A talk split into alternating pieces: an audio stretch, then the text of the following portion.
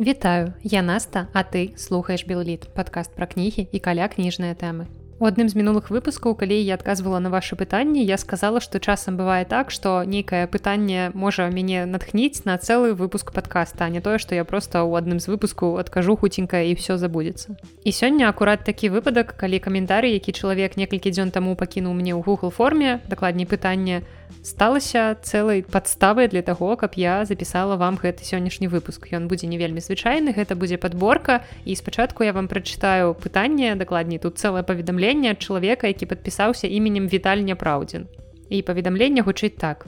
Дзе-нідзе што нішто сам насам трапляліся ў вочы вашай рэцэнзіі на творы сапраўдных мастакоў слова. Але ж вы шмат увагі прыдзяляеце тэхніцы фабуле. А дзе ж за гэтым усім пачуцці да якіх у першую чаргу звяртаецца любы аўтар Вось вы абмінаеце ў аглядах такое важнае для кожнага чалавека пачуццё як каханне, яго значнасць, нястрыманасць, загадкавасць, незразумеласць усеагульнасць. Таму пытанне такое, якія кнігі пра каханне вы лічыце сваімі ўлюбёнымі. Ці можаце скласці нейкі топ такіх кніг. Якая пара закаханых з літаратуры для вас асабіста з'яўляецца нейкім прыкладам рамантычных стасункаў.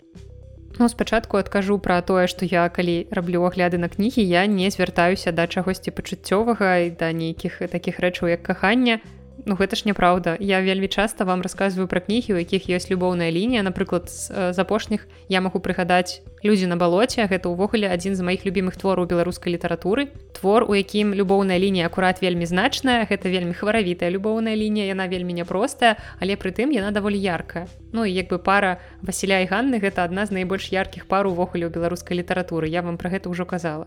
Але рэч у тым, што ў свеце існуе мноства літаратурных твораў, у якіх каханне або нейкая любоўная лінія стасункі адносіны гэта не нешта важнае для твора. Дзе канфлікт у творы выбудоўваецца зусім на іншых праблемах зусім іншыя пытанні ўздымаюцца ў творы ніяк абсалютна не звязаныя з каханнем ці адносінамі паміж людзьмі. Існуе вядома ж такое паняцце як любоўны раман.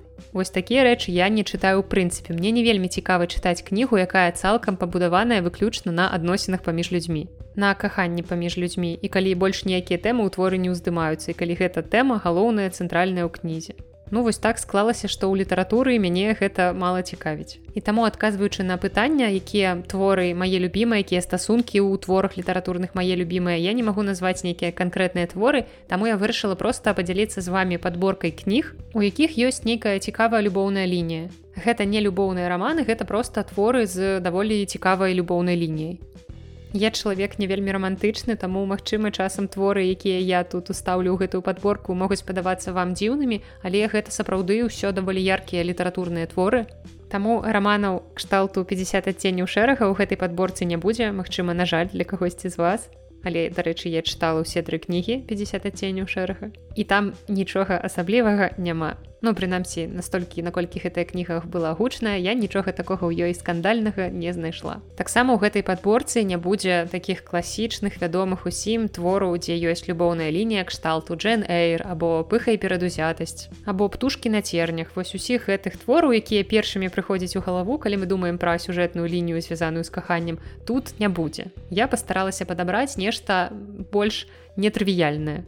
а і пачнём мы можа быть сімвалічна з французскай літаратуры бо нібыта французская мова лічыцца мовай кахання. І першы пісьменнік пра якога мы сёння пагаворым гэта рамен гары чалавек якога пры нараджэнні звалі роман кацаў але потым ён узяў псеўданім і стаў вядомы як французскі пісьменнік насамрэч ён яўрэйскага паходжання і нарадзіўся гэты чалавек у вільні Ён нарадзіўся ў яўрэйскай сям'і, але ўсё ягонае жыццё амаль што і творчасць былі звязаныя з Францыяй. Гэта чалавек, які двойчы атрымаў ганкурускую прэмію і, дарэчы, ганкурускую прэмію ўручаюць звычайна адзін раз за жыццё. Гэта як нобелеўская. Але рамен гары здолеў усіх перахітрыць. У 1956 годзе ён пад сваім гэтым вядомым псеўданімам рамен гары напісаў твор які стаў лаўрэатам гэтай прэміі. І ў 1975 годзе ён зноў напісаў твор але ўжо пад іменем эмиль ажар і зноў атрымаў ганкурускую прэмію толькі потым даведаліся што гэта быў таксама рамен гары карацей зламаў сістэму. Магчыма вам гэты пісьменнік больш вядомы па ягоным творы абяцання на досведку які выходзіў на беларускай мове ў выдавестве янушкевич Але сёння я раскажу вам пра іншы твор, які на беларускую мову на жаль не перакладаўся. Я чытала яго ў рускім перакладзе і гэты раман называется воздушныя змеі. І гэта кніга, якую я магла б вам параіць чытаць менавіта цяпер у гэтыя змрочныя часы, таму што гэта кніга няхай і пра вайну, але кніга, у якой вайну ты не адчуваеш. Таму што гэта кніга неверагодна лёгкая і вайна ў прынцыпе тут не асноўная сюжэтная лінія. І калі вы любіце чытаць кнігі ў пэўныя сезоны там зімой ці восенню то вось гэты роман гары я б вам параіла чытаць летом тому што ад гэтага рамана становіцца ўнутры вельмі цёпла і вельмі светла. Таму што гэтая кніга перапоўнена вялікай любоўю вялікай пачуццёвасцю і нават вайна якая ідзе там недзе фонам яна не здольная заглушыць усе гэтыя цёплыя светлыя эмоцыі. І гэта гісторыя хлопчыка людо які жыве разам з амбруазам. Амбруаз гэта яго дзядзька. Ён майстар па вырабе змеяў. Ён праславіўся сваімі змеямі ў выглядзе вядомых людзей. Вось можете сабе ўявіць якога-небудзь шарля дэголя які ляціць па небе ў выглядзе паветранага змея. І людо з амбруазам жывуць разам у нармандыі гэта рэгіён на поўначы францыі бо хлопчык застаўся без бацькоў ён сірата і таму яго выхоўвае дзядзька да другой сусветнай вайны яшчэ 10 гадоў таму людо жыве сваім звычайным хлапечым жыццём і ён закохваецца ў дзяўчынку якую завуць ліла абранніцкая Яна польская арыстакратка і зразумела, што такому простаму хлопчыку яна не пара і таму яе бацькі людо не вельмі добра прымаюць, але сапраўднае каханне яно можа пераадолець усе перашкоды, таму людо не здаецца. І ў гэтым рамане гары стварае цэлую галерэю дзівакаватых вобразаў, бо кожны яго персанаж спачатку падаецца крыху вар'ятам, але разам з тым усе гэтыя вар'яты яны вельмі адданыя сваёй справе людзі. Напрыклад, у час вайны яны падтрымліваюць рух супраціву і вельмі любяць сваю францыю.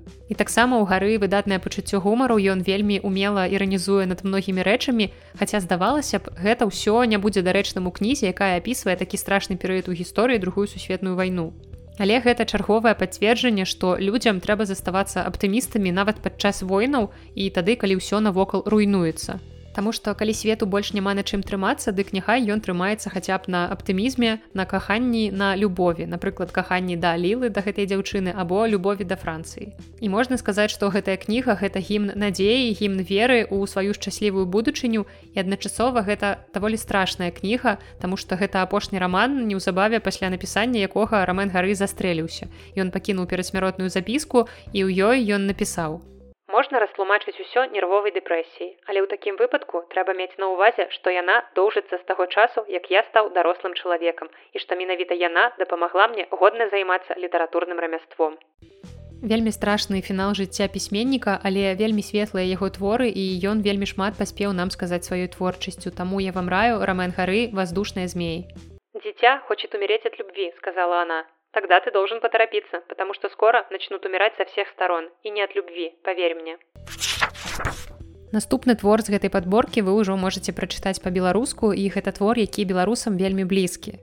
Гэта раман сучаснага польскага пісьменніка ігната карповіча які называется сонька сам аўтар дарэчы нарадзіўся на беластотчыне і ў 2015 годзе гэты раман быў намінаваны на прэстыжную польскую літаратурную прэмію ніка а ў 2018 годзе нарэшце выйшла беларускае выданне ў перакладзе марыі мартысевич галоўная гераіня гэтага рамана гэта старая жанчына з польскай вёскі гарадок і ў сабе яна носіць гісторыю якая мусіць быць пачутай каб толькі знайшоўся нейкі ўдзячны слухач І гэтая гісторыя пра яе пра яе маладую дзяўчыну, якая вырасла без маці, але з вельмі жорсткім бацькам і двума братамі.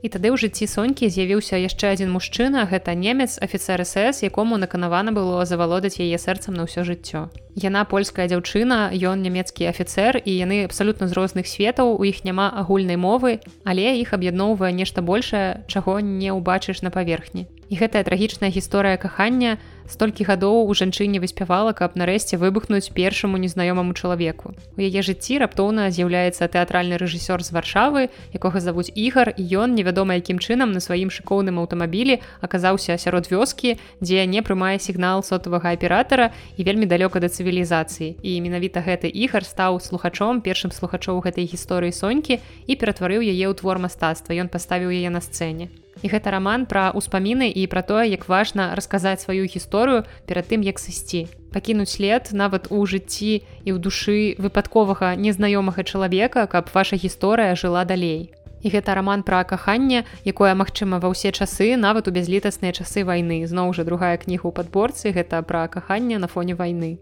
У арыгінале кнігі сонька нават гаворыць по-беларуску дакладней яна карыстаецца паўночна-заходнімі гаворкамі беларускай мовы якія вельмі пашыраныя акурат на беластотчыне і трэба адзначыць што такі вельмі беларускі роман польскага аўтара быў вельмі прыхільна ўспрыняты на радзіме.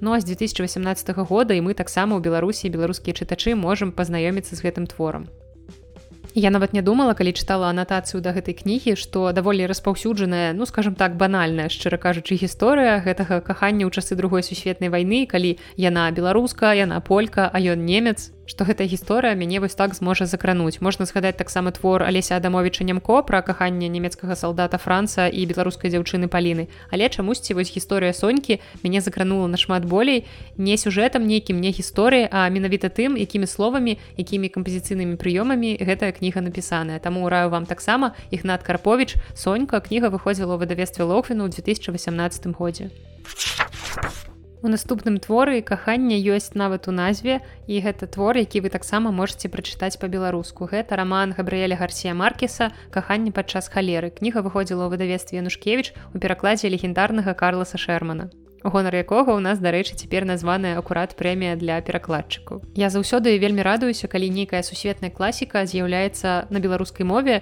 і вельмі часта чамусьці чую ад людзей што навошта нам гэта трэба калі ў нас ёсць руская савецкая школа перакладу яны перакладалі цудоўна ўсе гэтыя класічныя творы навошта нам цяпер гэта чытаць по-беларуску гэта просто абсалютнае глупства тому что чалавек які так думае ён магчыма не чытаў маркіса по-беларуску Бо калі чалавек прачытае хаця б вось гэты пераклад маркеса я думаю што ён не зможа так упэўнена ўжо сцвярджаць бескарыснасць такога кнігавыдання. Бо маркес па-беларуску сапраўды зачароўвае і магічны рэалізм гэта менавіта той мастацкі метад які па-беларуску гучыць вельмі арганічна і вельмі меладычна. І мне здаецца што расійскія пераклады якія я чытала яны такой меладычнасці не маюць. Прынамсі я яе ніколі не адчувала Я ўвогуле не прыхільнік творчасці маркеса я даволі раўнадушна стаўлюся да яго раманаў але разам з гэтым раманам я правяла недзе каля тыдня калі не больш. І я вельмі рэдка так марудна чытаю кнігі асабліва калі яны не вельмі аб'ёмныя калі гэта звычайны раман там недзе на 300 старонак. Але ад маркеса калі чытаць яго ў вялікіх дозах у мяне пачынае трошки кружыцца галава. І калі ўсё ж расказаць вам пра што гэта раман то тут можна ўявіць што у нас ёсць шанец змяніць у сваім жыцці нешта вельмі кардынальна але гэты шанец з'явіцца толькі праз 53 гады 7 месяцаў і 11 дзён. Вам не давядзецца перажываць жыццё наноў, але ў вас з'явіцца другі шанец зрабіць правільны выбар. І цяпер вы ўжо дарослы чалавек, нават ужо можна сказаць, што стары чалавек, вы сур'ёзны, разважлівы, у вас ёсць пэўны жыццёвы досвед і нішто не перашкодзіць вам быць разам у галоўнай гераіне гэтага рамана ферміны дасы памірае муж доктор хувеналь урбіна і цяпер яна можа быць тым каго кахала шмат гадоў таму. І магчыма яна кахала яго на працягу ўсяго жыцця. Яго завуць флорентына арыса. І толькі цяпер ім абодвум ужо далёка за 70 і гэта старамодная гісторыя кахання якая напоўнена сцэнамі эратычных прыгод любошчаў але разам з тым кніга вельмі светлая і яна дае надзею што шчасце нават праз 50 гадоў магчымае маркіс нам паказвае ўсё жыццё герояў ад моманту няправільнага выбару скажем так і шлюбу фарміны дасы праз чаканне флорентыны арысы яго любоўныя прыгоды да смерти мужа ферміны і гэтая гісторыя распавядаецца вельмі вельмі падрабязна.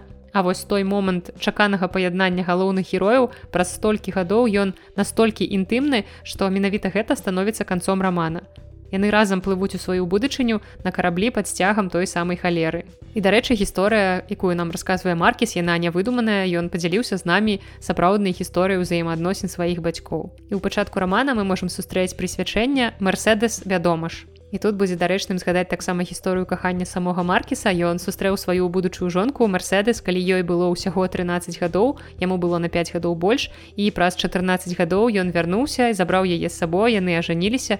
І з таго часу і да яго смерці ў 2014 годзе яны былі разам не расставаліся. І ў многіх гераінях раманаў можна знайсці хаця прысачку хаця б нейкі водгалас асобы яго жонкі Ну і ўвогуле жонка была менавіта тым чалавекам, які вельмі моцна падтрымліваў маркіса, калі ён кінуў працу, каб пісаць раман 100 гадоў самоты. Так што калі вы яшчэ не чыталі маркіса па-беларуску гэты раман, то вельмі раю вам зрабіць гэта менавіта па-беларуску і таксама ў хуткім часе я сама планую ўзяцца за чытанне яшчэ аднаго рамана маркіса, які выйшаў нядаўна выдавестве Нушкевіч. Гэта восень патрыярха ў перакладзе Сергея шупы. Я спадзяюся, што там таксама ведаючы пераклады шупы, што там мяне таксама чакае нешта неверагоднае, бо Сергей шупа робіць тое ў перакладах, што мне неверагодна падабаецца. Так што раю вам Габрыэль Гарсія Маркес каханне падчас халеры кніга выходзіла ў выдавестве Нушкевіч у 2017 годзе.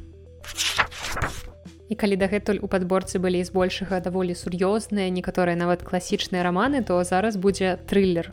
І гэта раман Джона Марса, які называецца The One единственный. І сюжэт гэтай кнігі вельмі нагадвае чацвёртую серыю чацвёртага сезона серыяла black mirror дзе людзі уступаюць у адносіны пры дапамозе кішэннай сістэмы знаёмству якая ім падбірае партнёра і паведамляе час які яны правядуць разам перад тым як расстануцца і гэта даволі такая складаная серыя няпростая бо даволі непрыемна калі вы ўжо да чалавека прывязаліся калі у вас ужо пэўныя адносіны вы там працяглы час разам і раптам прыходзіць час расстацца таму што так сказала сістэма. У гэтай кнізе таксама цікавы фантастычна антыутапічны сюжэт. Тут ёсць алгарытм які падбірае людзям пару і бярэ за аснову днк сумяшчальнасць і такім чынам ён абяцае што калі вы ўжо ўступіце ў адносіны то вы там супер сумяшчальныя паводле днк і гэта адносіны назаўсёды. Больш не давядзецца марнаваць час на пустыя адносіны пакутаваць ад чарговага расстання зноў шукаць партнёра ўсё гэта ўвесь гэты пакутлівы працэс.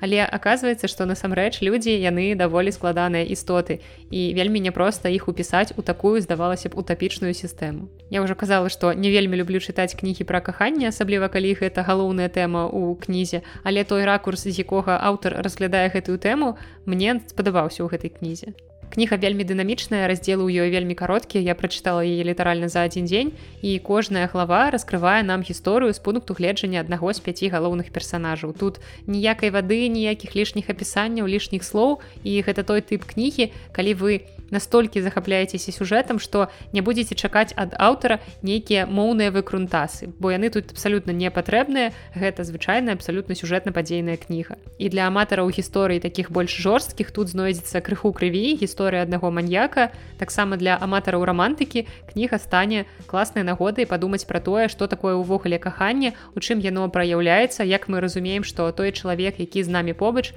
гэта менавіта той самы чалавек. І таксама для аматараў пакорпацца ў нейкіх этычных маральных пытаннях тут увогуле цудоўная глеба для спрэчак для думак для нейкіх размоў наколькі ўвогуле этычна рабіць тое што зрабілі ў гэтым творы вось гэта ўся днк сумяшчальнасць. Ну і прынцыпе для аматараў фантастыкі гэта цікавы погляд у будучыню. Кніга зразумела вельмі просценькая я б сказала на адзін раз але гэта адзін раз я думаю што будзе для вас даволі займальна вось сапраўды як паглядзець адну серыю невялікую серыяла. Адпачыць каб цікава зірнуць на тое як магло б наше жыццё павярнуцца калі б раптам вынайшлі такую тэхналогію Ну а там дзе каханне куды ж без сексуальнай рэвалюцыі і наступная кніга пра якую мы сёння пагаворым гэта не мастацкая кніга гэта нон-фікшн гэта кніга александра гужалоўскага сексуальная рэвалюцыя ў савецкай беларусі 1917 1929 гады кніга выходзіла ў выдавестве нушкевич Я думаю што тэрмін сексуальная рэвалюцыя вам знаёмы вы яго чулі не раз Так называюць працэс і вынік карэнных змен у сексуальным жыцці грамадства і гужалоўскі ўпершыню разглядае гэтае пытанне ў адносінах менавіта да нашага беларускага грамадства. І сапраўды перыяд пасля рэвалюцыі 17 -го года характарызаваўся вялікай сексуальнай разняволенасцю людзей. І тлумачылася гэта вельмі проста банальнае імкненне да свабоды асобы да жадання пазбавіцца пута ў шлюбна-сямейных адносін, мець магчымасць нейкіх свабодных стасункаў і чытаючы гэтую кнігу можна падумаць што савецкая Беларусь у тыя часы была нейкім лунапаркам з блэкджекам і шлюхамі. Дарэчы савецкая Росія ну і таксама з ёй савецкая Беларусь стала першай краінай свету якая дазволіла ўласным грамадзянам рабіць аборты без абмежаванняў. І аўтар прыводзіць прыклады з рэальных дакументаў судовых спраў распавядаючы як напрыклад умоўны жыхар вёскі і малыя драндуны Вася пупкін забіў сваё толькі што народжанае дзіця для таго каб не плаціць аліменты і далей прыклады такога кшталту пра гвалт пра забойствы пра заляцанні іх і так далей. Большую частку справы па разнявольванні савецкага чалавека зрабілі бальшавікі пасля рэвалюцыі бо гэта было часткай іх плана па стварэнні так званага новага чалавека.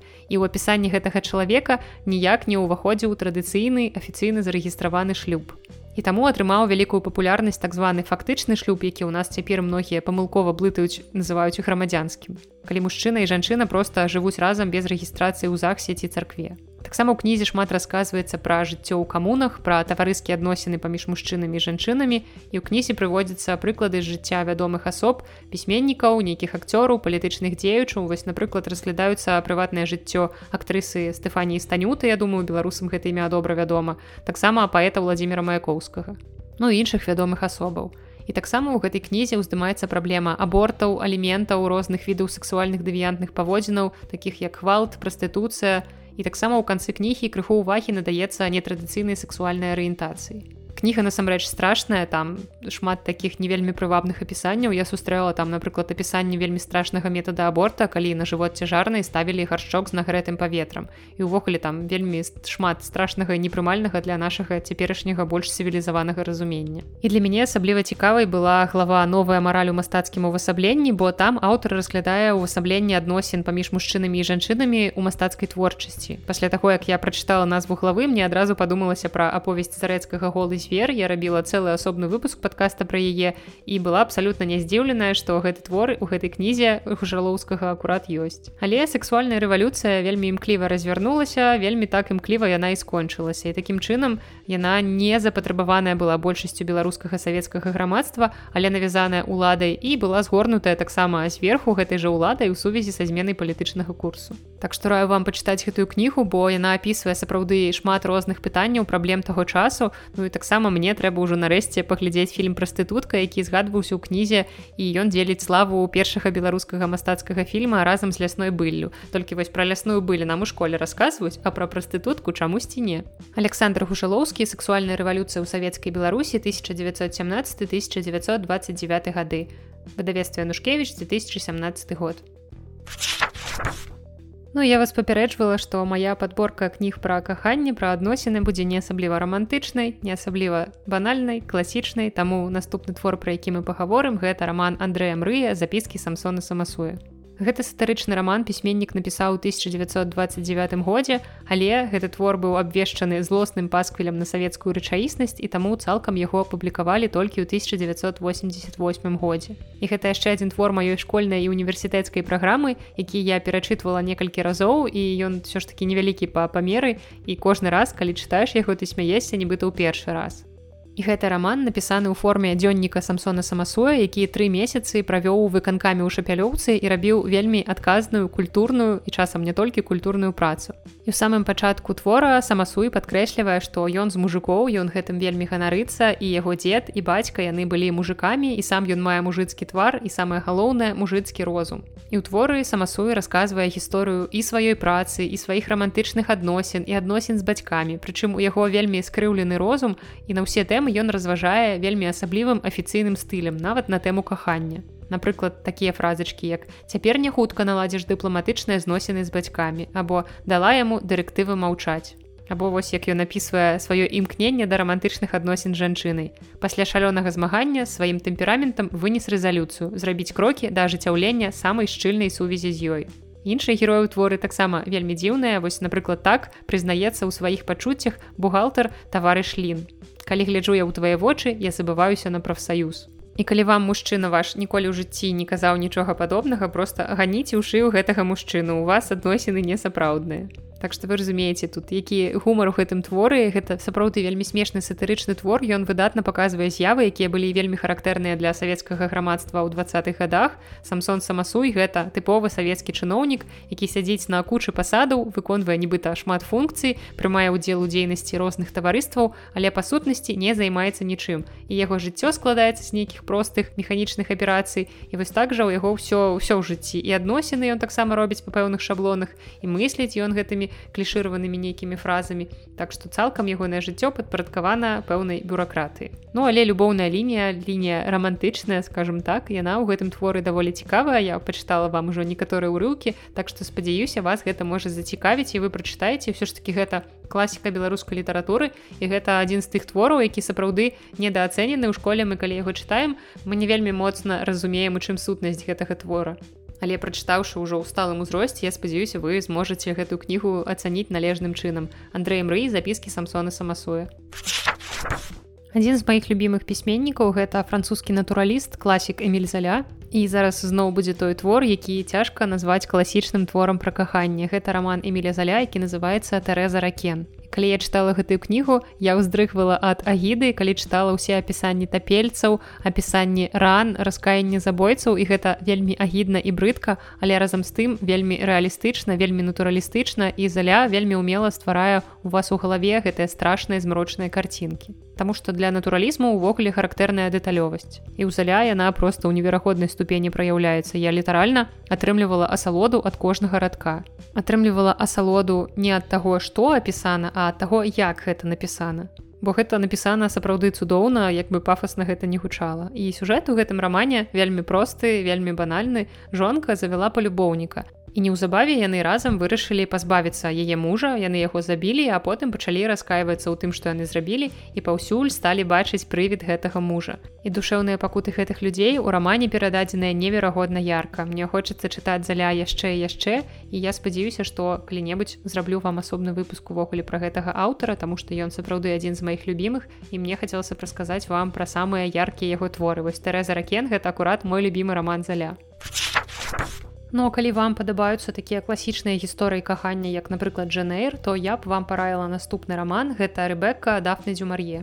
Кніга пачынаецца як тыповы жаночы раманчык, яны знаёмяцца, ёй 20, яму 40, ён удавец, ён вырывае яе з мінулага жыцця. Яны цэлымі днямі катаюцца на машыне па Монте-Карла, вядуць гутаркі і бла-бла-бла-бла. І я ўжо калі пачала чытаць гэтую кнігу, тут на гэтым моманце хацела яе кінуць, але гэтую кнігу выратавала добрая мова. Так што я працягнула чытанне і вось новы паварот і наш герой Масім да Уінтер прывозіць сваю маладую жонку. Дарэчы, імя гэтай жонкі ні разу ў творы не згадвалася. Рэбекка, тая, што згадваецца ў назве твора гэта не яна. Гэта была жонка Масіма да Уінтера. І вось ён прывозіць сваю гэтую новую маладую 20гадовую жонку ў сямейны маёнтак Мендерлі і тут пачынаецца ўся заплытаная гісторыя. І чым далей, тым больш я разумела, што ўсё не проста так адказы не ляжаць на паверхні і многія рэчы не тыя, якімі падаюцца і трэба сказаць што да таго як я ўзяла ў руки кнігу я не чытала ні анатацыю ні нейкія водгукі просто ведала што гэта вядомы твор класічны. І аказалася што гэта псіхалагічны трыллер і ў 1940 годзе яго экранізаваў сам хічкок. Я ўжо глядзела гэтую экранізацыю тому што я безмежна люблю творчасць хічкока. Я вельмі люблю нуар і гэта выдатны ўзор. І таксама яшчэ стывен кінг з вядомых людзей згадваў што гэтая пісьменніца паўплывала на яго творчасць І ўсё гэта я прачытала прыкладна пасля 20 процентаў кнігі. Я просто вырашыла пагугліць ці до конца ў гэтым рамане будуць ружовыя соплі. І таму пасля таго як я ўсё гэта прачытала я вельмі натхнёна працягнула чытаць. І трэба сказаць што я не была расчараваная.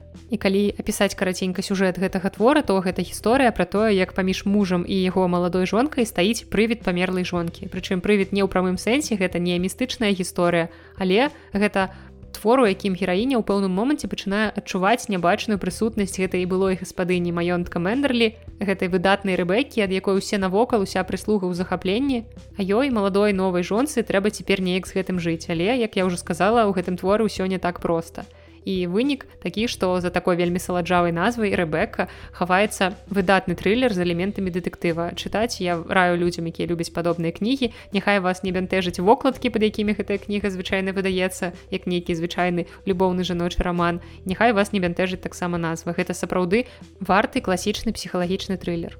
а Такі сёння не вельмі доўгі атрымаўся выпуск подкаста, але я вас вырашыла не грузіць нейкай вялікай падборкай і так я думаю, што дала вам дастаткова твораў, з якімі варта пазнаёміцца. Я папярэджвала, што моя падборка будзе не зусім шаблоннай, не зусім банальнай ці звычайнай. Гэта не тое, што вы чакаеце адкрыўшы, напрыклад, нейкі артыкул топ-5 твораў пра каханне. Гэта не зусім топ, гэта проста тыя творы, якія мне падаліся цікавымі. Я не магу сказаць, што гэтыя творы ўсе мае любімыя, акрамя магчыма, эміля заля.